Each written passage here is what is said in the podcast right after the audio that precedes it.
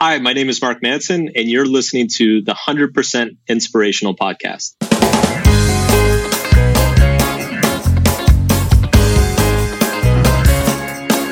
Hey, wat goed dat je luistert. Hij staat weer voor je klaar. Je wekelijkse dosis inspiratie is weer daar. De allerleukste gasten geven al hun kennis prijs. Met je veel te blije host, hij praat je bij. Zijn naam is Thijs. Thijs,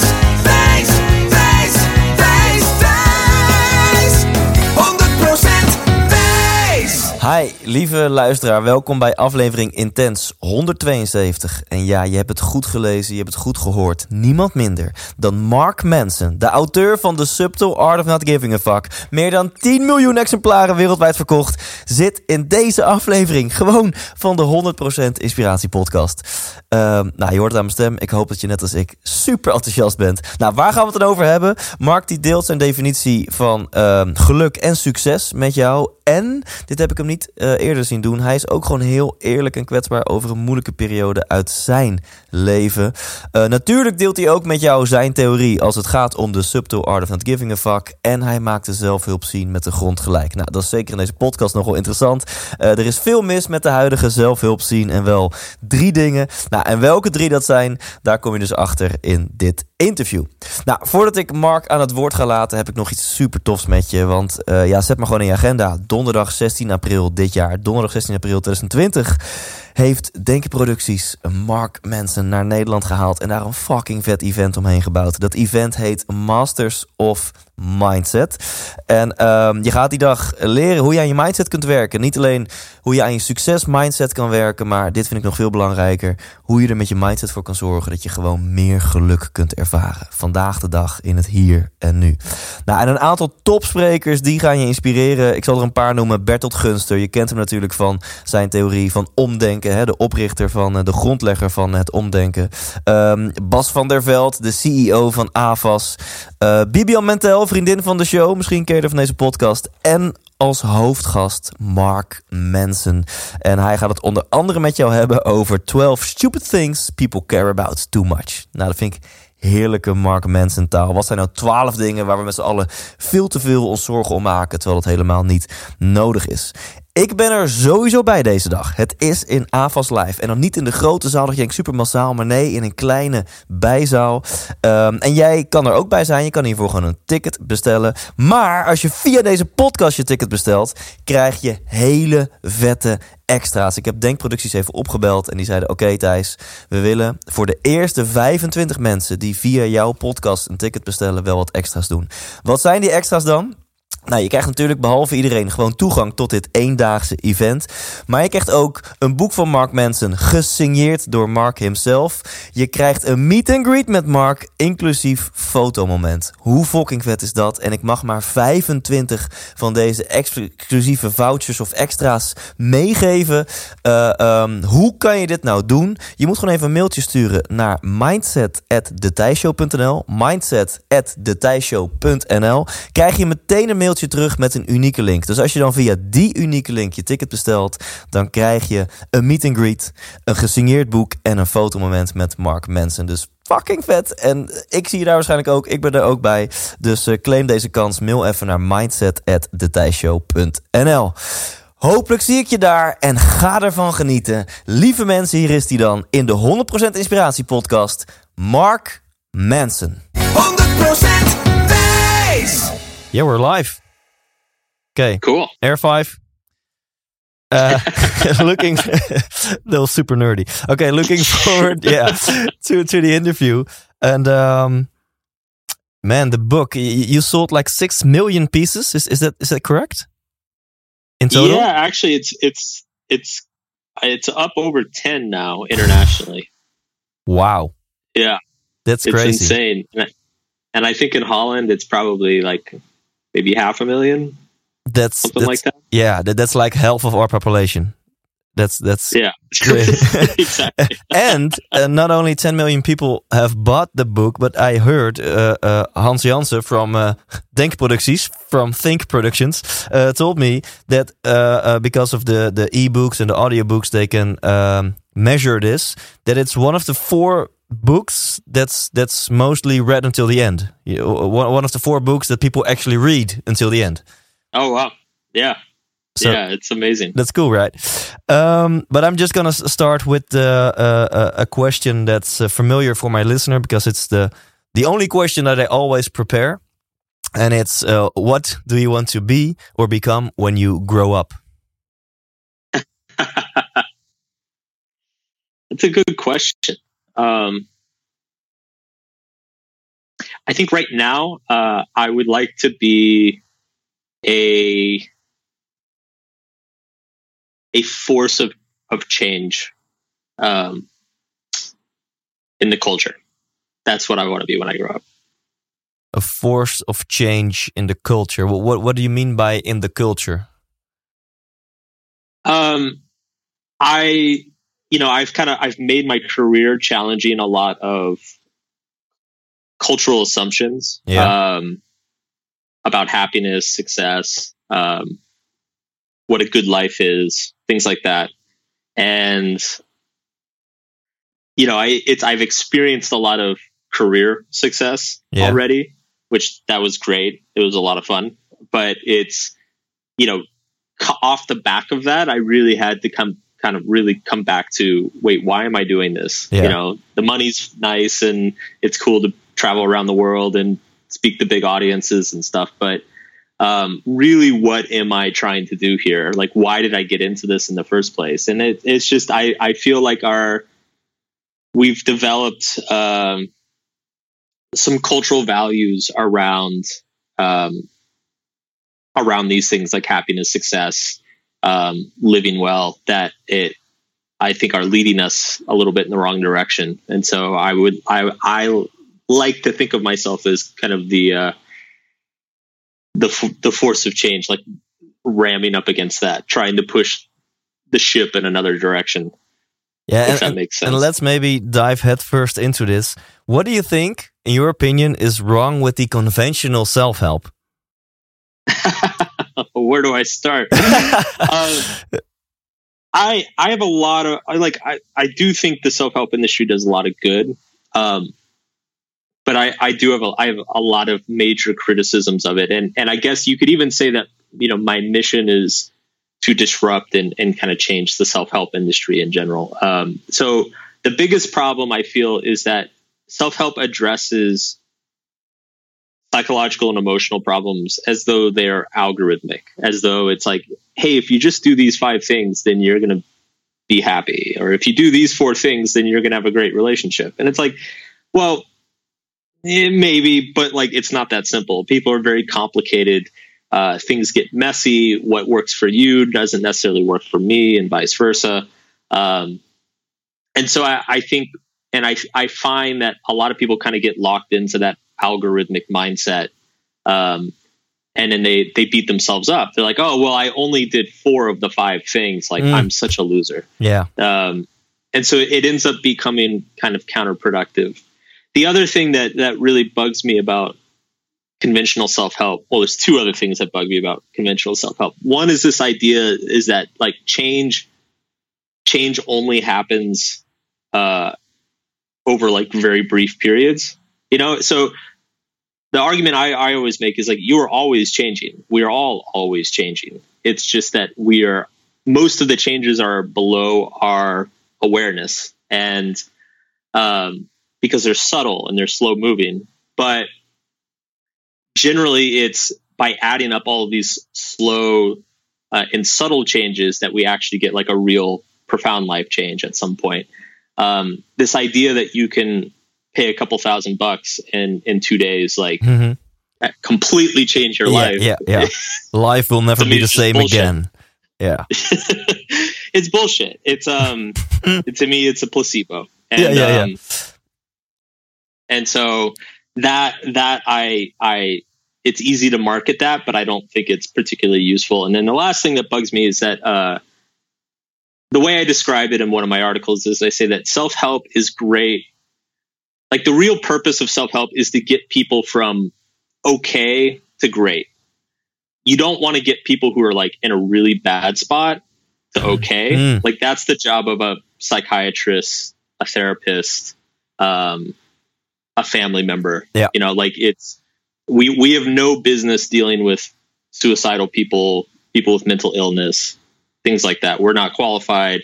You know, telling telling a suicidal person to think positive is like it's almost insulting. You know, like Mhm. how Yeah. how all that is. So, um, I think there needs to be a focus on people who are generally okay, or maybe just mildly uh, miserable, who are still functional and miserable, um, and getting them to to to just kind of optimize them, if that makes sense. Yes. So you, you think that self help only focuses on people who are okay, uh, and you and you also think that people who are not okay, like. Uh, would say my, my life is a four on a scale of zero to ten, and you think those people, uh, uh um, that they should, yeah. What what what exactly do you mean by that? That that those people Uh, also should be so, like helped? Yeah. So I think self help works for people who are like a four or five and getting them up to like a seven or eight. Oh, okay. Uh, um, or taking somebody at like a seven and getting them to like a nine. Like that, I think that's what self help is good for. If you get people at one or two, Mm. they should not be doing self help. Like, I mean, self help's not ideally, it's not going to hurt them, but like if you take a person at a one or a two, like they need something much deeper and more personal and more serious. Um, Yeah. than kind of your your your typical like rah rah self help seminar. And, and- and with your blogs, do you do you sometimes focus on the ones and twos? Uh, I try not to, and I get emailed.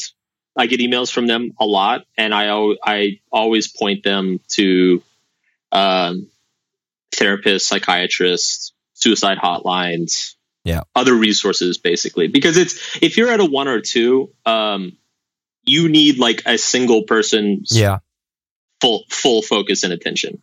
Um, I, I deal with hundreds and hundreds of people every single day.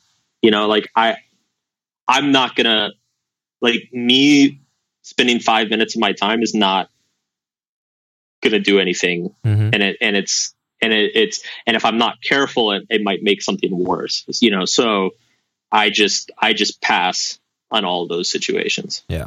And let's elaborate on these three things because I love this, and I, I know and think that my my listeners love this. Um, the first thing you said, I I think I could summarize it like self help indirectly says you're not okay at the moment. When you say I dream Yeah. of this kind of uh, body, relationship, career, you indirectly say I'm not okay right now. Yes, Uh, absolutely. I, I think like it's yeah, it, it, it's a subtle side effect of um like let me just put it this way i hear from people all the time who are like hey man I'm, i'm trying to get to the next level and i'm like okay like what's what is what's the next level like what does that look like for you they're like oh man i just i want to be like crushing it in my job more and you know i want to like have a better family life. And they describe all these things. I'm like okay well tell me about your life now. And it's like they have a great job. They have a great family. They have cool hobbies. They go on awesome trips. Yeah, they have awesome friends. And i'm like so wait wh- where's the problem here? And they're like well you know i just feel like i could be crushing it you know? Like i just want to like really push it. And i'm like you know maybe that's the problem is that desire it's like that that Mm, that feeling of, of not enough is actually the problem. It's not that you're not doing enough it's the feeling that it's the feeling that you're not doing enough that is the actual problem. Um, and so I, I almost try to like talk people out of self-improvement sometimes Yeah, yeah. because i'm like actually i think your problem is the desire to improve yourself Yeah, yeah, like yeah. you're fine man just keep working like yeah, yeah. That's, it's a coincidence that yesterday I was talking with a friend, and, and he's just like, just like I am, really into self help and stuff, and, and, and self development. And, and he said, I, I think I'm I'm tired of all this development, self development shit. He said, I'm tired of always thinking, how does this relate to my parents, and uh, how does this pattern today uh, comes from my dad, like when I was a child? And he was like, I'm I'm tired of that. So uh, I think some people, some self help junkies, uh, um, can Yes. maybe relate relate to uh, to this. And I really like a sentence. I think it's in the subtle art of not giving a fuck. uh, uh, that you said um, the desire towards a positive experience is a negative experience. I hope I translated yeah. right. And the acceptance of a negative experience becomes a positive experience. Exactly. It's um it's an idea that I I got from an Alan Watts book and it, he called it the backwards law, but it's basically the the pursuit the i the idea that there's some positive experience that you do not have by by assuming that you are creating a negative experience for yourself. And when you accept a negative experience as just a part of your life, that paradoxically becomes a positive experience. It, becomes like a relief, you know? And so, um, in a weird way, I think sometimes it's the, the best thing you can do for yourself is to simply let go. Like the paradoxically, the, the thing, the, the thing that will improve you, the, your life the most is letting go of the desire to uh, improve your life sometimes. Um, it's it's the it's like the guy you were talking to. It's like making the decision of like, you know what, it doesn't matter how it relates to my parents anymore. Like I don't my parents are fine. Yeah. I, am over you know, like getting to that I'm over it yeah. place uh is is like that's kind of the final step. So, uh, so like okay, yeah. cool. Uh, a, a lot of a lot of seminars in self help have like the the marketing slogan of something like do you also have the feeling that you could get more out of life? But I think the slogan should be accept more or something like that. That that's what I get yeah, from yeah. out of this. Well, and it, and it it drives me crazy because it's like, of course you feel like you get like everybody feels like they could get more out of life. Like that's just a it's a natural part of the human condition. And so I, I you know, we're all kind of running on this treadmill of with like the carrot hanging in front of us, thinking that like one day we're going to get the carrot. And it's like, no, man, because there's, there's just always another carrot. and yeah, so yeah. at some at some point you have to just come to terms with that and um and be happy with the path you're on. Yeah, and and I know you. I think that's one of the reasons that you're so popular. That you're really down to earth and very practical. Um, so when we're talking about this, about maybe you should just accept more how life is that's not a concrete thing to do. You you cannot say, okay, do acceptance. so do you have yeah, some yeah. practical advice for people who are listening and think, yeah, okay, Mark, thank you, but but give me some give me some stuff uh, to to to work on this. I, I I like to think of these things in terms of like thought experiments. So, um, you know, what, one thing that was very profound for me, I I had a, you know, my my family life was was kind of I, I wrote about it in the book, but like my family life like wasn't very good during my adolescence and teenage years, and um, and I had a lot of problems with my father for a long time, all through my teenage years and my twenties, and then once I got into my thirties, you know, it, it was I was constantly butting heads with him, and it was this constant idea of like I need to improve this relationship, but he's being such an asshole because he thinks this and this and he does that. And I wish my dad would be this way instead. And and I was constantly like pushing against this relationship, trying to make it work for me. And at some point about five years ago, I, I just realized I'm like, okay, he's like 70 or he's he was like 65. I'm like, he's not going to change. Like this is just who he is. Yeah. And I need to live with this because otherwise I'm going to spend the rest of his life resenting him. And and it was amazing. As soon as I just realized, I'm like, that's who he is, and I need to adjust. It's my responsibility to adjust um, my expectations for him. Um, it actually, like, we have a great relationship now, and um, and so it, it's a lot of it is it. What it took was me sitting down and being like, okay, how bad is it really? Like, what would my life, like, let's say he never, nothing ever changes. He's the same forever. How bad is my life really going to be? And I realized I'm like, it's not that bad. you know, like yeah, I can live with, I can live with it. You know, I'll make it work. And, uh, and as soon as I realized that, I'm like, wow, that's just like such a, you know, I think this is why journaling is so good because it forces you into these yeah. thought experiments. Yeah. Um, it forces you to imagine an alternative. Um, and to be very honest about like okay like how big like how painful is this problem is it is it really that painful or am i simply like pushing something into the wound over and yeah, over and yeah, over again yeah. to keep it open and a lot of times we are so that's like your version of positive thinking. Is like okay let's be let's be realistic here. How bad is my life yeah. really? Yeah, yeah. it's like it's like instead of positive thinking it's it's like a it's not as bad as you think thinking. Yeah yeah yeah. Cool. And and and and, and um people um I think everybody can understand this example but maybe there are situations in life that are more difficult to accept uh, for example, maybe a physical condition, or you you you you can't accept your finance, the, the situation yeah. your finances are in, or the situation your relationship is in. Maybe that's a little bit harder to accept than just uh, uh, how, how your father is. Uh, can yeah. you help those people, people who are listening now and who can relate to one of those kinds of issues? Yeah, it's. I think ultimately, those sorts of things I, I have a saying that I, I kind of live by, which is the best thing about somebody is all is usually also the worst thing, and the worst thing about somebody is usually also the best thing. You know, so it's generally all of these experiences have some sort of hidden like shadow to them um, that are e- that are the opposite of them. You know, so it's like I had a friend who not only did he go completely broke, but like he went hundreds of, he started a business and the business went bankrupt and he was like $200,000 in debt. And he's, he, it took him like 10 years to get out of that debt. And today when he talks about it, he, he says it's the best thing that ever happened to me. The best thing. Cause he said like after that, it's like I, I can survive anything. like there's no fear of there's no more fear of like, oh, well, what if this project goes wrong? It's like, you know, I blew it so hard the first time that it's you can only go up from here. Yeah, yeah, yeah. But it also ta- it taught him a lot of lessons, you know, about about money and investment and risk.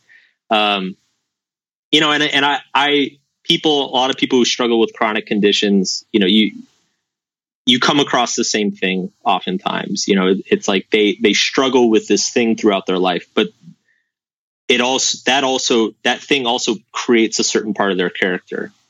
Um, it has presented them to experiences and ideas that the rest of us don't have because we don't have that condition, and so they have they end up with kind of this unique perspective on the world um, and how to how to confront the world um, because of that condition. And so it's, and I think you know, it, I think when who, when they came up with the whole positive thinking thing, like this is kind of what they meant is like find that subtle underside of like whatever that bad thing is in your life, there's something behind it that is very hard to see that's actually very positive.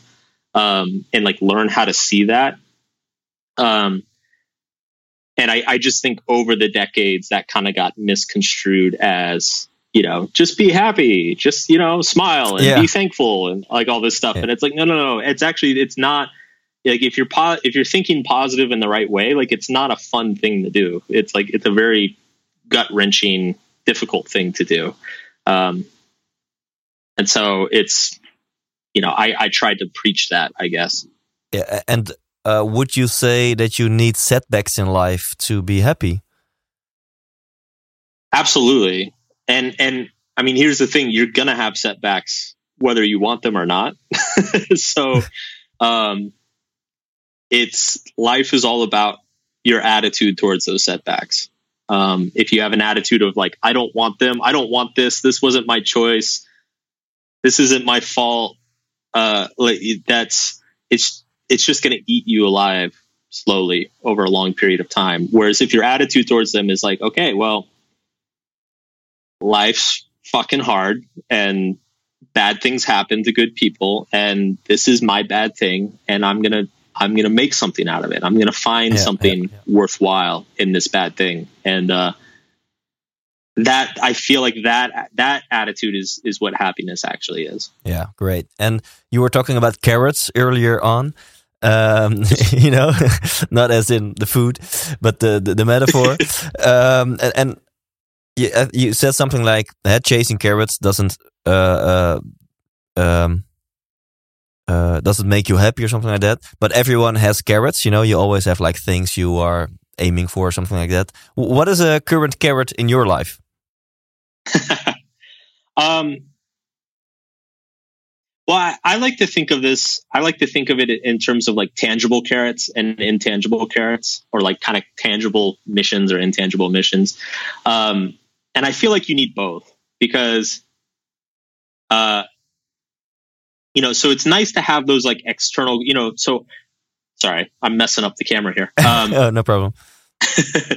um, you know, I feel like you you need both you can't you, if you have only like tangible goals like i want to sell a million books or i want to make a million dollars or i want to you know win a gold medal or whatever um, that's very motivating but once you hit that goal it's going to leave you there's kind of this this emptiness on the other side of it of like what do i do now um, so i think you need a you need a intangible goals to kind of kind of to balance that. So I like to set the intangible goals first. Like, so right now, kind of my mission in life is I want to disrupt and change the self help industry, change the culture of the self help industry, uh, and affect the culture at large. And that's a very intangible thing. Like, there's no easy metric to know that I've accomplished that. And that's actually the benefit of that. Yeah. Yeah. You know, it's, it's, I don't, I, I, it's not clear when I'm done or not. Um, and then from that intangible goal then i create tangible goals so it's like okay i want i want to sell this many books i want to uh, i want to like launch a new course i want to increase my blog readership to uh, you know 3 million readers or yeah. whatever and it's like you you create you pull the tangible goals out of the intangible goal and and the intangible goal if it's a good one will just present you this endless supply of tangible goals to keep pursuing and attacking. That'd be a good article. Yeah. I should write an article. yeah, well, it, it, it, it, makes me think about. Um, I, I made a summary of your book, the, the subtle art of not giving a fuck, because I did like uh, in this podcast like two years ago. I did I did a book presentation about that book.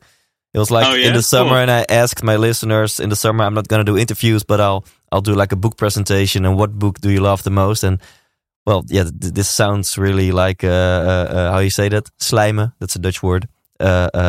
Uh, uh, ass licking. That's the English word, I guess. But really, uh, people said people said you, you, should do the book that Mark Manson wrote. So I made a summary, and I ended my summary with the following sentence.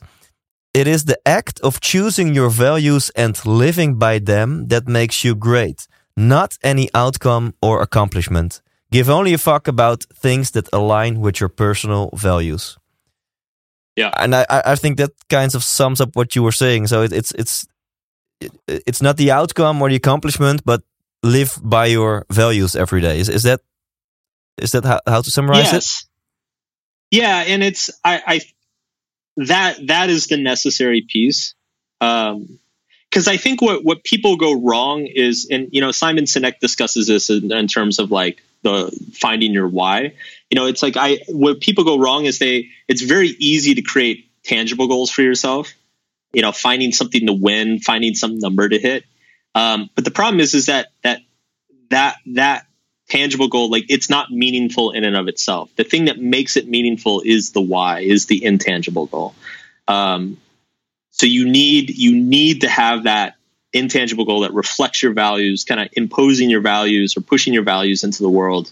Um, and then you can derive all of the the fun little metrics that are exciting to get up in the morning and and and work on uh, from that starting place. Yeah, maybe this is a great uh, timing to to elaborate on your yeah your uh, uh, uh the subtle art of not giving a fuck theory.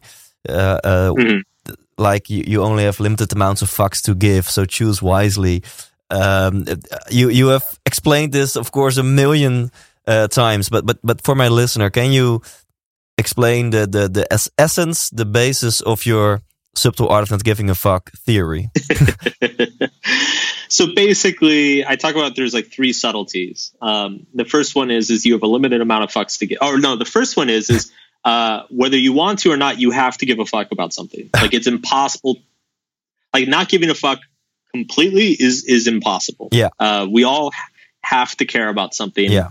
Um, and, and even if you decide you don't care about anything, you're still choosing the care that you care about. Yeah, you, yeah. you don't care about it. Yeah, you know, so uh, that's the first one. The second one is is you have a limited amount of things that you can care about or you, you can give a fuck about in your life. So you have to uh, choose carefully what what what is deserving of your fucks. What is deserving of what you're going to spend your time on, and that's a very very hard, difficult question.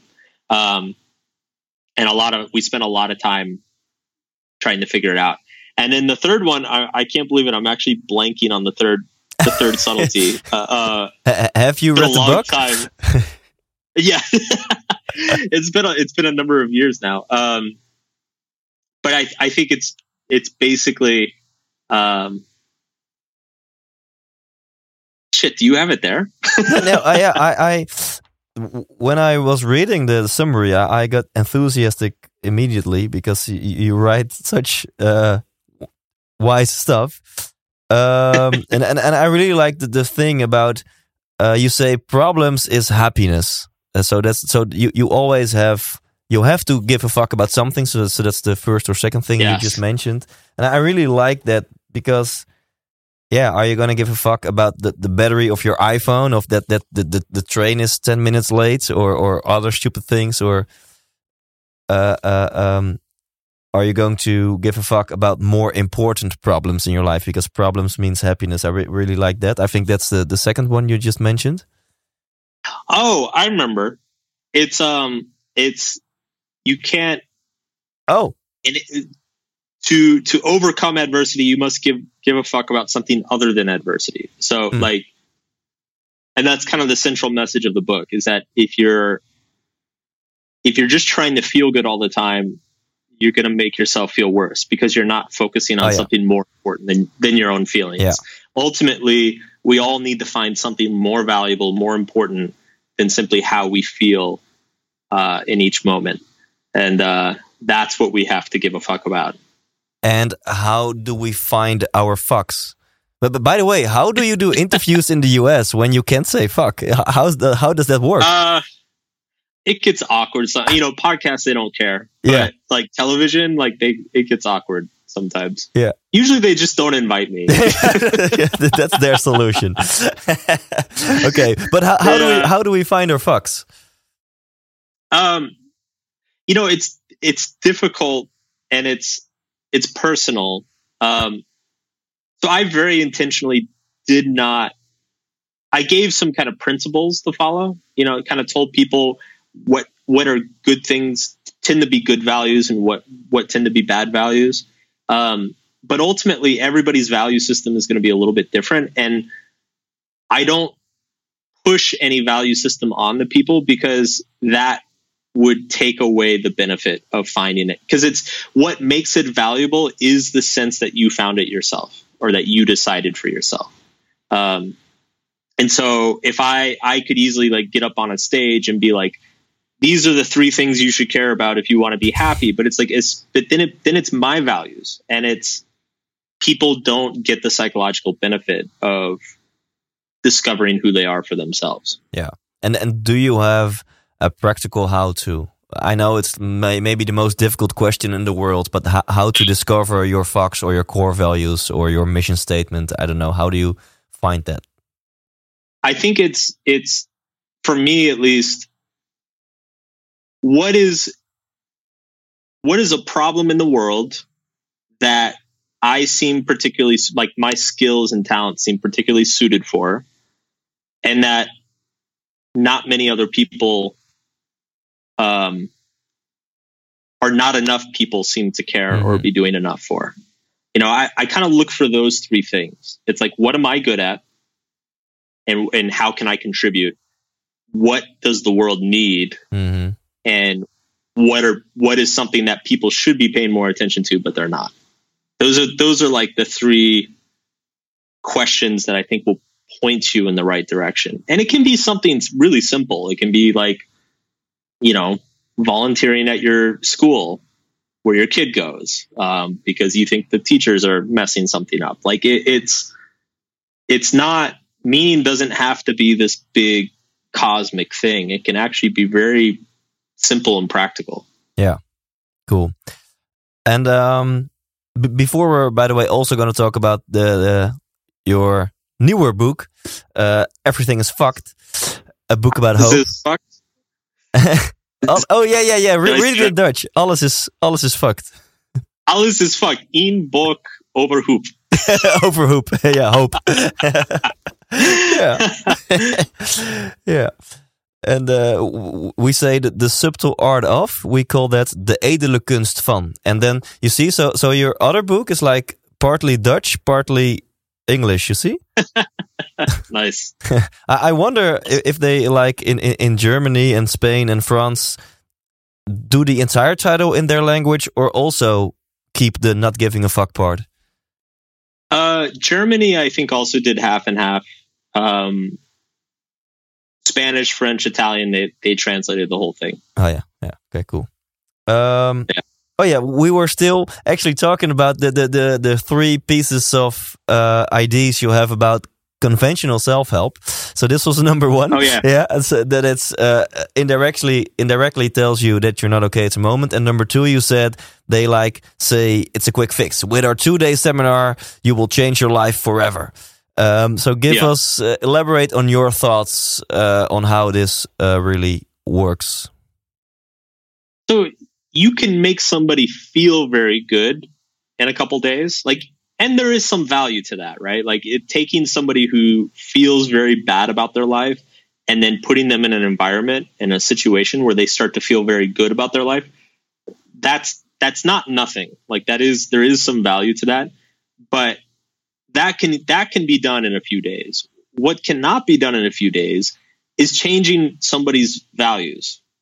Like you can't like that very deep fundamental change of like this is what I used to care about in my life and now I don't care about it anymore or I care about this other thing instead. That is a that has to be lived. Like you can't it, it it's it, it's like there are a lot of things in psychology that you can explain very easily intellectually. You know, so it's like if somebody's nervous to take a test, like you can sit there and explain all the reasons they shouldn't be nervous. Be like, oh, you studied so much and you're really smart. And you know what? This mm-hmm. test isn't that important anyway. And they can understand those things intellectually, but they're still going to be nervous. Like yeah. you can't talk somebody out of their emotions. And yeah. similarly, you can't, uh, you can't simply talk somebody out of their values. They have to go and experience yeah. life in, in a different way first. Um, so if I'm going to change my value around, let's say, uh, community, you know, like you, I can sit here, I can have a very powerful and profound experience at a seminar or in a lecture or something that changes my opinion of like how I relate to uh, the people around me, like the people in my town or whatever. But until I actually go interact with those people in a different way, I'm not going to like internalize and feel that value change. It's just going to live in my head yeah. until that happens. And so you actually you have to go out and live these things. And um, and it's like you, you can't solve a relationship problem by yourself in a room with 500 other people. Like you, you have to sit down for weeks and weeks and weeks with your partner and hammer on this stuff. Um, and so I, I, I just feel like self help stuff should be honest about what it's selling. Yeah. You know, it's, it's selling, it, it's selling, uh, it's selling a couple perspective changes that feel very, very good and are exciting to experience. Um, whether the, that those have a lasting impact or not is is very debatable, and uh, and I would argue a lot of times there's not much lasting impact, but um, but that's fine if it's if like that's what you're signing up. You know, I like I know people who like they've been to like 10 Tony Robbins seminars and I ask them why and they're like, "Well, it's just so much fun." And I'm like, "All right, well like if that's what you do for fun, then that's fine." You know, like where I have a problem is is when they start saying stuff like, you know, change your change your life in a weekend and um, you know, discover your true self and all this stuff. And yeah, it's yeah, like yeah. dude, like not only is that not possible at all, but it's definitely not possible in a freezing hotel room for two days. and, and, and can I ask you a tough question? Sure. Because you're you're kind of skeptic towards the self help scene, and and uh, a lot of a lot of uh, self help scene seminars, books talk about find your core values, and actually that's also what you're talking Yeah. about in your books. So isn't uh, aren't your books also self help books, but just with better titles and more down to earth titles? Yes, yes. They, well, it's. I often describe. It was funny actually when I when I went to publishers and, and pitched subtle art. Uh, my my pitch was, it's a self help book for people who hate self help. so like all the people who want to change their lives but think that self help is just it's a bunch of bullshit. This is that those are the people I'm writing this book for. Um, so I, I should say this like I believe self help is possible. I believe it, it it does happen. It can happen. Um, there's actually some research that shows that you know reading self help books does have a positive effect for people.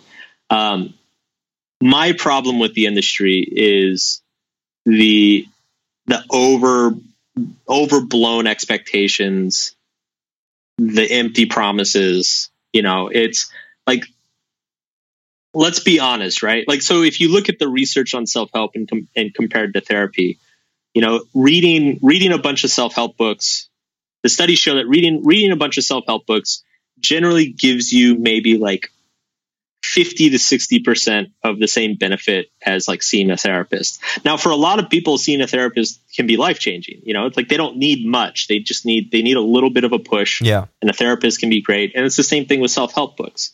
Um, but I, I just think like we need to know our place. We need to be honest about that. Like we're not we're not a cure all. We don't change people's lives overnight. We don't uh, you know, we're not gonna like completely revolutionize psychology with this like one one small tip that's gonna change everything. You know, it's it's all that's all marketing and bullshit. And I I think what makes me different is that I'm honest about that. Yeah. Um, Cool. and it, and like I like I said, when when somebody who's suicidal or has a mental illness contacts me, I tell them I'm like I'm not your guy. Yeah. Like I'm glad you like the book, but I'm not your guy. It's you need to go speak to a psychiatrist. And, and and was this your uh, motivation, like years ago, to start blogging about this? Uh no. so honestly, my motivation to start blogging was very selfish and superficial. um, you, you you heard that it would attract beautiful chicks, or or uh, yeah. yeah, bloggers get all the girls. yeah yeah Um, yeah it- it- no, I, I mean, I just I wanted to make money on the internet so that I could like travel around the world Oh, and oh, party. cool. Yeah, That- yeah. like that's pretty much it. Um, it didn't really occur to me as a long term career until I was probably like 26 or 27, and um, because I, I started my my blog and and some like some of my online businesses in my early 20s and for me it was like okay i'm going to do this for like five years have a bunch of fun make some money and then i'll and then i'll like actually grow up. And um but then I, I got to be like 26 27 i'm like wait a second like i think this this is actually this could be my career. And then i was like oh crap. I need to be serious now like i need to find something you know and that, that's kind of when i started investigating like what what feels important? What do i feel like i could make a contribution to? Um you know what what what is the message that i want my writing and my Yeah. career to be? Um and so that stuff emerged later. That was probably 2011 2012 around then that i started thinking about that stuff So so first you started blogging to finance your ideal lifestyle, and yeah, pretty much. yeah. And once you found out that it, it was getting successful, you, you thought, okay, maybe this is going to be what I do, and then maybe it's an idea to blog about more important stuff. Yes. Yeah. Exactly. And and but then again, you you could have chosen like twenty important uh, subjects, but yeah. you choose this one. What made that you choose this one? Um, I'm endlessly fascinated by psychology and and just people and um you know I get I have a knack for it. Like people liked it. Um it, it was interesting because you know my my in the really early days when I wrote blog posts, most most of my blogging was like it was about stupid stuff. It was about partying and girls and travel and like just very superficial things. Yeah. And every every once in a while, I would write a long post about, you know, like the a theory of, I had about relationships of like why do you know why do people date someone who treats them like garbage? Mm. Like why does that happen? You know, and, and so I'd like write a big piece about, it, and people loved it. People were like, "Oh my god!" Like people started telling me they're they're like, "You should write a book about this stuff." Um, and that really caught me by surprise. I didn't expect that. Uh, and so again, it kind of comes back to I started to discover that like this is one area that I seem to be have a talent for. Um, it's also an area that the world needs. You know, they I think they need help in this area, yeah, and then yeah. it's also something that um, I see I see what I consider to be problems uh, in in the industry and in the culture and I want to to be a, a force of of change and and and of good. Um, so yeah, you get those three things lined yeah, up. And cool. It, and, and then there you go. It exploded. I mean, two million viewers, readers per month. W what did that? What impact had that on your life? That it was like, yeah, you you almost became like a celebrity because of your blog. You know, what, what was the impact on your life? Um, honestly, it was very weird. Like being internet famous is like it's a very strange experience. Um because it's like you you you sit at your computer and you've got like 2000 emails and uh a few hundred of them tell them that tell you that like you're an evil piece of shit mm. and they hope you die and then like the next few hundred say that you changed their life and oh my god you're like the best thing ever. Um, and it's just this very emotionally exhausting process. Like it's just this endless flood of stuff like that. Um, and then you go outside and like nobody cares who you are and like nothing. You know you go to the grocery store and it's like yeah exactly like every other time you've gone to the grocery store. yeah, you're like, and behind the laptop, I'm famous. yeah, you're like, I'm important. I swear. Yeah, yeah, yeah. Uh, but it's um, it took me a while. Um, it took me a while to learn how to manage that, to to kind of understand that, understand the scale of these things and how it's like, yeah, you're just gonna every day you're gonna get hundreds of messages telling you you're great, and you're going to get hundreds of messages that are either uh, that are annoying yeah. or people trying to scam you or telling you awful things. Um, and you like anything else in life, like you kind of just you you learn how to manage it and cope with it.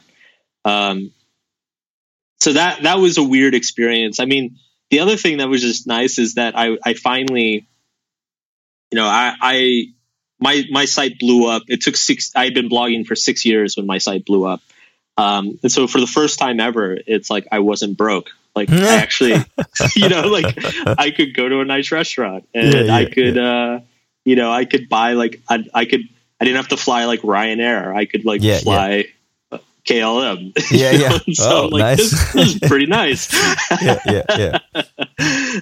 Awesome, and, and maybe this is a, a great uh, bridge. Do you say that in English? That that it's a bridge to sure. another subject because, um, yeah, it, it's it's about lovers and haters, uh, and and and you, you say you can't be an uh, you cannot be a source of inspiration for some people without being an asshole for others.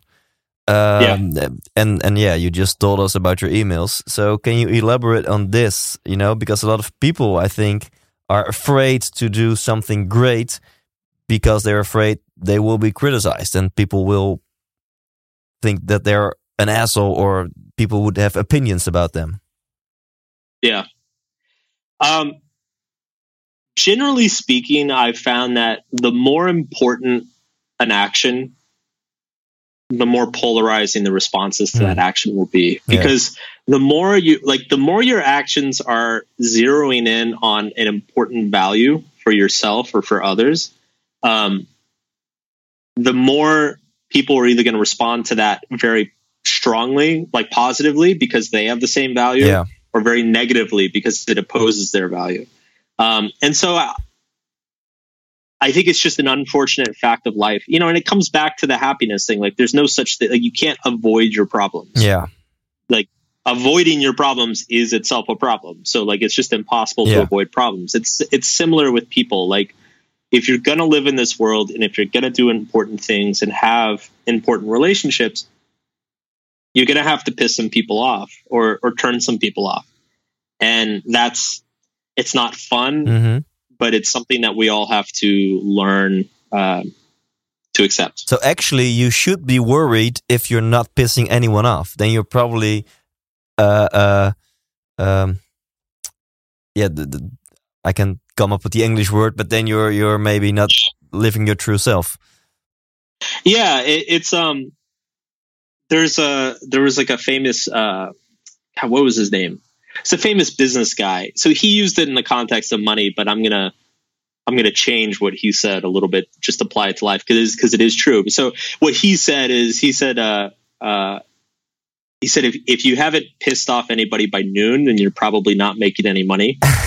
um, and I, I would say that's I think that's true for life in general. It's like if you haven't pissed anybody off this week, then you're probably not living out your values you know, boldly. Yeah. Living like you're not living your best life. Yeah, I, I underlined this sentence. Um, if you want the, uh, if you want everyone to think you're nice, no one will love you. Is that like yeah. the right translation? Yeah. So and, and and and then I put holy fuck behind that sentence. Like holy fuck, guys, this is this is important stuff.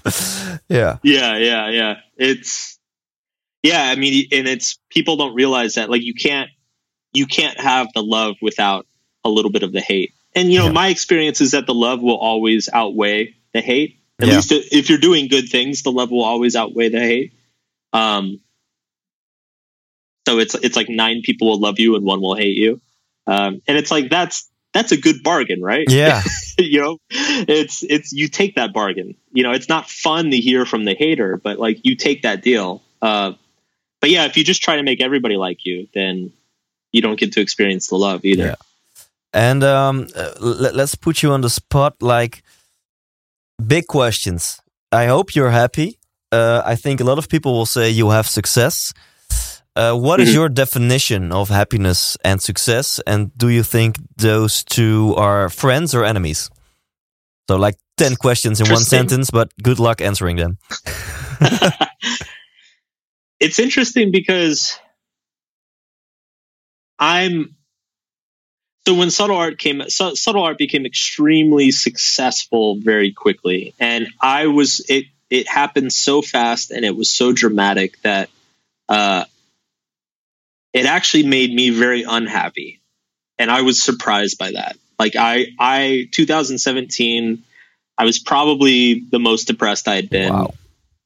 since I was a teenager and I had no idea why. I'm like what the fuck? Like the best thing that's ever happened to me just happened. and here I am like sitting in my underwear not showering, playing video games all day. um, and so I think, and looking back, I mean, it took me a long time to figure out, but like basically what happened was that because I accomplished so many of my goals so quickly, um, I was, I was left without, I didn't know what to mm. hope for anymore. Yeah. I didn't know what to, what to want. Like what what should i try to do next? Like what you know is my life over? Like this is probably the best thing i'm ever going to do. So does that mean that everything's downhill from here? You know and i'm like i was only 33 so like that's just not a fun thing to think about. Um and so I, I i've actually been i say that because I've been thinking about this question a lot is like how does happiness relate to success? And like I've come to the conclusion that they're they're they're basically the same thing, happiness and success. And it's I, I talk about in the book how happiness is solving worthwhile problems. Um, and I feel like success is the same thing. And as soon as you feel like there aren't any problems in your life, then you're robbed of that happiness and you're robbed of that ability to feel successful. Um, it, it's you know after subtle art came out, the problem was I felt like it solved all my problems, and I didn't have any other problems. Mm. I'm like hmm. shit. I don't have I don't have to work for like ten years, maybe ever if I don't want to. you know, like it's and without any problem to solve or anything kind of like any sort of stress to push up against in my life, I just felt very lost. And so it, it, even though it was materially the most successful thing that had ever happened to me, um, I didn't feel successful. It felt, it was very strange. It felt like a bad definition of success. It's just selling a lot of books. So I would argue that there, those two things are very much the same thing or close to the same thing. And is this why you also claim you need problems to be happy because you of course you did have problems in 2017 but you had the you thought you didn't have problems and that made you depressed. Yeah it was my problems were things that didn't feel important. Um you know so it was like my problem was i don't know like how am i going to invest this money? Mm. you know my problem was my honestly my biggest problem was what am i going to do next? And that was terrifying. That was absolutely terrifying. Um, it, and it felt like a no win it felt like a problem that i couldn't solve. Like, like it was like no matter what i'm gonna what no matter what i do next it's gonna feel like a, a disappointment compared to yeah. this other thing. Um, and so that right there like whenever you're in a spot like I, I think kind of that you could define depression as the feeling that no matter what you do, it doesn't matter. Um, so like the massive success of subtle art put me in a spot where it's like it doesn't matter what I do next. Yeah, people are going to be disappointed with it. Mm. A bunch of fans are going to be disappointed with it. The publisher is going to be disappointed with it. You know, so like, why do anything? What's the point? Um, so yeah, it's it's uh it's a weird thing. I actually I was talking to um uh so I'm doing I'm right now I'm working on Will Smith's book and I was actually talking to him about this and he, he said yeah it's actually it's a common thing in Hollywood with like actors who blow up. Mm. Um, he said they they become incredibly depressed and he said that uh um he said that a friend of his calls it altitude sickness. It's like mm. when you climb a mountain too fast and your body doesn't acclimate to the oxygen and you get sick, you can actually die. said, yeah, it's like if you if you climb the mountain too quickly, like your your brain doesn't have time to catch up, and uh, and you get sick from wow. it. Great metaphor. And yeah. could it be that maybe your why wasn't in the right place because your why initially was I want to make money so I can live a cool life, and now you had all this money, could could that be the case, or does that not not relate? I think, I think that's part of it. Um, and this is the hard thing about values, right? Because if you had asked me before subtle art came out, I would have told you, you know, I would have told you a lot of the same things I told you today of like why I'm doing this. Mm-hmm. Um, you know, I I had the same kind of intangible value of like changing self help and being having impact on the culture. What was different is that I had tangible values around book sales, being a New York Times bestseller, having my books translated, all this stuff. Um, and I think at the time I underestimated how much I cared about those things. I gave a lot more fucks about book sales and things like that than I thought I did. Yeah. And um and so part of dealing with subtle art afterwards was was like me discovering that I was full of shit, you know? and it's like you you cared about this a lot more than you thought you did and now you're paying the price. Yeah. so um so yeah, some of it was that I, I was a little bit too focused on the numbers and the yeah. accolades and things like that. And and how did you manage to get out of that situation? Um, so with the, with the with the new book with uh, everything is fucked, I so there was a lot of pressure on me for that book, and a lot of people wanted like us like me a lot of the a lot of people wanted me to just kind of write the same book, book over again, and I didn't want to do that. And so when I, I decided with that book that I'm going to challenge myself to simply write a better book. Like I know it's going to sell less. I know some people are going to be disappointed with it, but if I think it's a better book, then I'll be happy. Wow. And that's what I did. Um, and I do think it's a better book.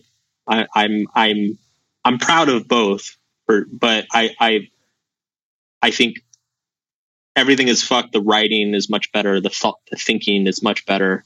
Um, and so when it came out, you know, it did very well, which I was happy about, but it's obviously it was not anything near what subtle art was.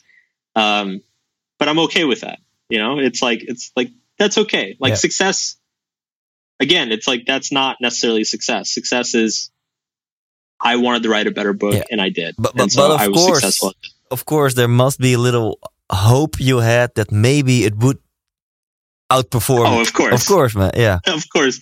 You always want it. Like yeah. you, you're never not gonna want it, yeah. right? But um, but I'm okay not having it. Yeah, it, like there are things that matter more than that. And um, um, I mean, the title is "Everything Is Fucked," and the subtitle is "A Book About Hope." Um, what what is the book about? What is the book about? And why do you think everything is, is fucked? And, uh, and and and why do you think we should still have hope? Um, the paradox is about, or sorry, the book is about kind of this paradox that that we find in that generally the better things get for people, the more uh, the more upset they get. You know, so it's like the better our life gets, the more comfortable, the more uh, the more our basic needs are provided for, the more educated we become, um, the safer our communities become. Paradoxically, the more anxious we become that things are going to go wrong. And so the book is kind of this exploration of why is it that uh, why is it that progress, I guess, in the material world creates anxiety and and and and fear and for us psychologically. Um, and so I, I kind of make this argument that like, you know, we all we all need hope. We all hope for something better, but the better and better the world gets, or the better and better our life gets, the more difficult it is to know what to hope for. And so we kind of start imagining all sorts of problems that that aren't actually there, um, as a way to give our minds something to hope for and um, it was partly inspired by my experience with subtle art. Um, it was also a lot of it was inspired by just like all the craziness that's going on in the United States right now, um, and actually all over the world, um, of of just people thinking the world is falling apart when actually when you look at the data, it's things are better than they've ever been. Um, so it's a fun book. It's interesting. It's more philosophical than subtle. Yeah, art. cool. And it's, le- it, yeah, go ahead. I was I was just gonna say like I feel like subtle art was like two thirds self help, one third philosophy. Like everything is fucked is like two thirds philosophy, one third self help. And and is this also what are you what you're going to talk about here in the Netherlands on the 16th of April? Uh, no, I think mostly uh, I'll be talking about values and um, and and how values are basically important both in our personal lives and our business lives. Cool. I, I'm I'm really looking forward to it, and I and I'm gonna read Everything Is Fucked, and people should buy this book if they see or listen this uh, interview, and and I, I love the the point of view you you you, took here. Like we, we think everything is fucked, but actually, um, uh, uh, um, we in the Western world uh, should really realize we're we're super lucky and we have all the reasons to be happy, right? Yeah, and and what's ironic is that we need things to be fucked to be able to hope for something. Like you can't. It's kind of the happiness and the problems thing. Like yeah, if things aren't fucked, then we have nothing to hope for. Yeah, you know, it's like if everything's perfect, then we have nothing to hope for, and that's why we get depressed. So we need things to be fucked so that we have something to look forward to. So so like solving problems makes you happy. Just make sure you're solving the right problems, the problems that matter to you. Yeah. Right. Okay. Can I can I put you on the spot? That's like a few uh um um I don't know the English word, but it's two opposite things, and you have to choose one. So it's like fifteen okay. questions in like sixty seconds. Um, sure. Will be fun at the end of this interview. Are you ready? Let's do it. Okay. Awesome. Day or night? Uh, day. Driver or passenger? Passenger. Green smoothie or English breakfast? English breakfast for sure. naked or pajamas? Uh, naked. Camping or all inclusive? All inclusive, no question. Classical music or death metal? Death metal. Ah, great. What kind of bands do you like? Oh, I love. I'm a big metal fan like like Meshuggah stuff and Children of Bodom and that kind of stuff. Lamb of oh, God. hell yeah, yeah, yeah, yeah, yeah. Big Meshuggah fan. Um, actually, one of my favorite bands is a band called Periphery, and it was uh, it was cool. It, it, it turned out they like they read my book and they like they were fans of me and I was fans uh, of them. Cool. So I, I got to go hang out with them after a show when they were in New York. It was awesome. It, it only the band name sounds like a band where like every measure has a different count. Is it like exactly? Yeah. it totally is. okay, it's it's getting more difficult now. No more music or no more sex. Oof.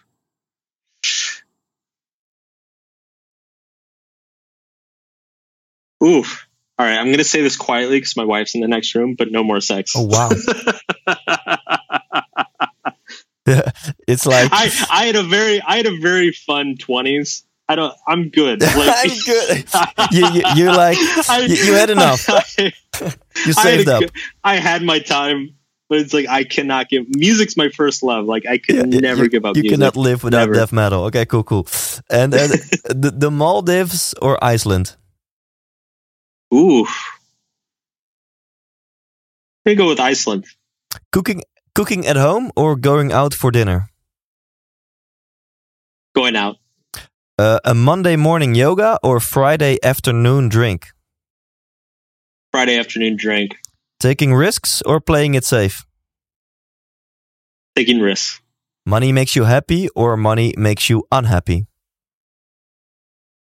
Uh, both. Depends what you use the money for. Okay. Richard Branson or Steve Jobs? Steve Jobs. Justin Bieber or Justin Timberlake? Timberlake for sure. Book or podcast? Sorry, but book. ah, it, it, it, was nice meeting you, Mark. Uh, yeah, okay. time to go. I'm sorry, I forgot to press the record button. Uh, no, focus on the future, future, or focus on the here and now, the present. Ooh, that's that's another both. Yeah, that's Elaborate, really quick. Um, you know, so I, I think generally people are bad at focusing on the here and now. So you know, you want to get good at it, be able to to be present in the present moment. But we have to care about the future. Like you can't you can't live without thinking about the future. Yeah. Cool. Uh, it's two left. Enjoying the process or enjoying the achievement? process for sure. Okay. And live one day as a king or live one day as a child? Oh, king. Absolutely. what, what, what, what would King Mark do? well, that, that would solve the no sex problem. yeah, okay. I, I can I can tell you have some vision in your mind right now. okay, great, man. Um, at the end of this interview, in the outro, I'm gonna do some promotion for your event, the 16th of April, via Denkproducties here in the Netherlands. I will be there, by the way, so we will uh, oh, cool. high five in real life. Me, yeah. And uh, maybe take a selfie. Um, but before we end this interview, uh, do you have a last piece of wisdom or advice for my beautiful listeners? Oh man. I don't know. There's a Montaigne quote that I love that says like even kings and ladies sit upon their asses. that means nothing. there you go. uh, yeah, that's it. People people should do it with that quote. yeah, take whatever you want. Pick what, but, but okay, maybe what do you get out of that quote? Like like everyone is. Well, we're we're all just a bunch of monkeys that are imagining some things are important mm. and other things are not. Oh, and okay. it's yeah, um, I feel you.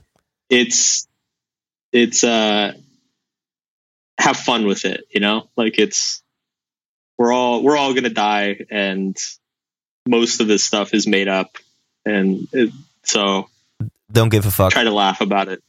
Try to laugh about it a little bit yeah, more. yeah. Okay. Cool. okay, man. Thank thank you so much. It was a great, great honor, Mark, to have you in this podcast. Thank you. Thanks, man. I appreciate it. Ja, bedankt, bedankt, bedankt voor het luisteren naar dit interview of kijken naar dit interview. Uh, we hebben hem via Skype uh, opgenomen, zoals je hebt gehoord. Dus je kan heel schattig zo uh, zien hoe wij voor onze laptop zitten. En als je het nog niet hebt gedaan, ik hou hem nu in de lucht en je hoort dat ik er tegenaan klop op de podcast. Alles is Fucked, een boek over hoop. Of in het Engels, Everything is Fucked, a book about hope. Van Mark Manson. Die kan je gewoon bestellen via bol.com en alle andere uh, verkoopkanalen. En je ziet hem sowieso in elke ACO en Bruna en alles liggen. Maar nog veel belangrijker. 16 april, donderdag 16 april 2020, Masters of Mindset. Echt, ik hou van dit soort seminars, van dit soort dagen. Ik ben zelf super vaak naar seminars van Denkproducties geweest. Dus ik vind het mega tof dat Hans Jansen, directeur van Denkproducties, uh, iets heel tofs voor jou heeft. Mail gewoon even naar mindset.detijshow.nl. Dan ga je deze fucking vette dag meemaken. Uh, en dan heb je dus een gesigneerd boek, een fotomoment met Mark Manson en een meet and greet met Mark Manson. Dus ja, dat is gewoon super tof. Alleen voor de eerste 25 mensen. Dus mail naar mindset.thijsje.nl. Je krijgt een unieke link. En de eerste 25 die daarvan gebruik maken, die genieten ook dus van deze extra's. Um, Ga dat doen. Geniet van deze podcast. Over dat event gesproken. Bertolt Gunster is een van de sprekers die dag. En Bertolt Gunster, die zit gewoon volgende week hier in de 100% Inspiratie Podcast. Ik weet niet hoe met jou is, maar ik ben enthousiast. Dus uh, tot volgende week. Bestel die tickets. Mindset.thijshow.nl En leef intens.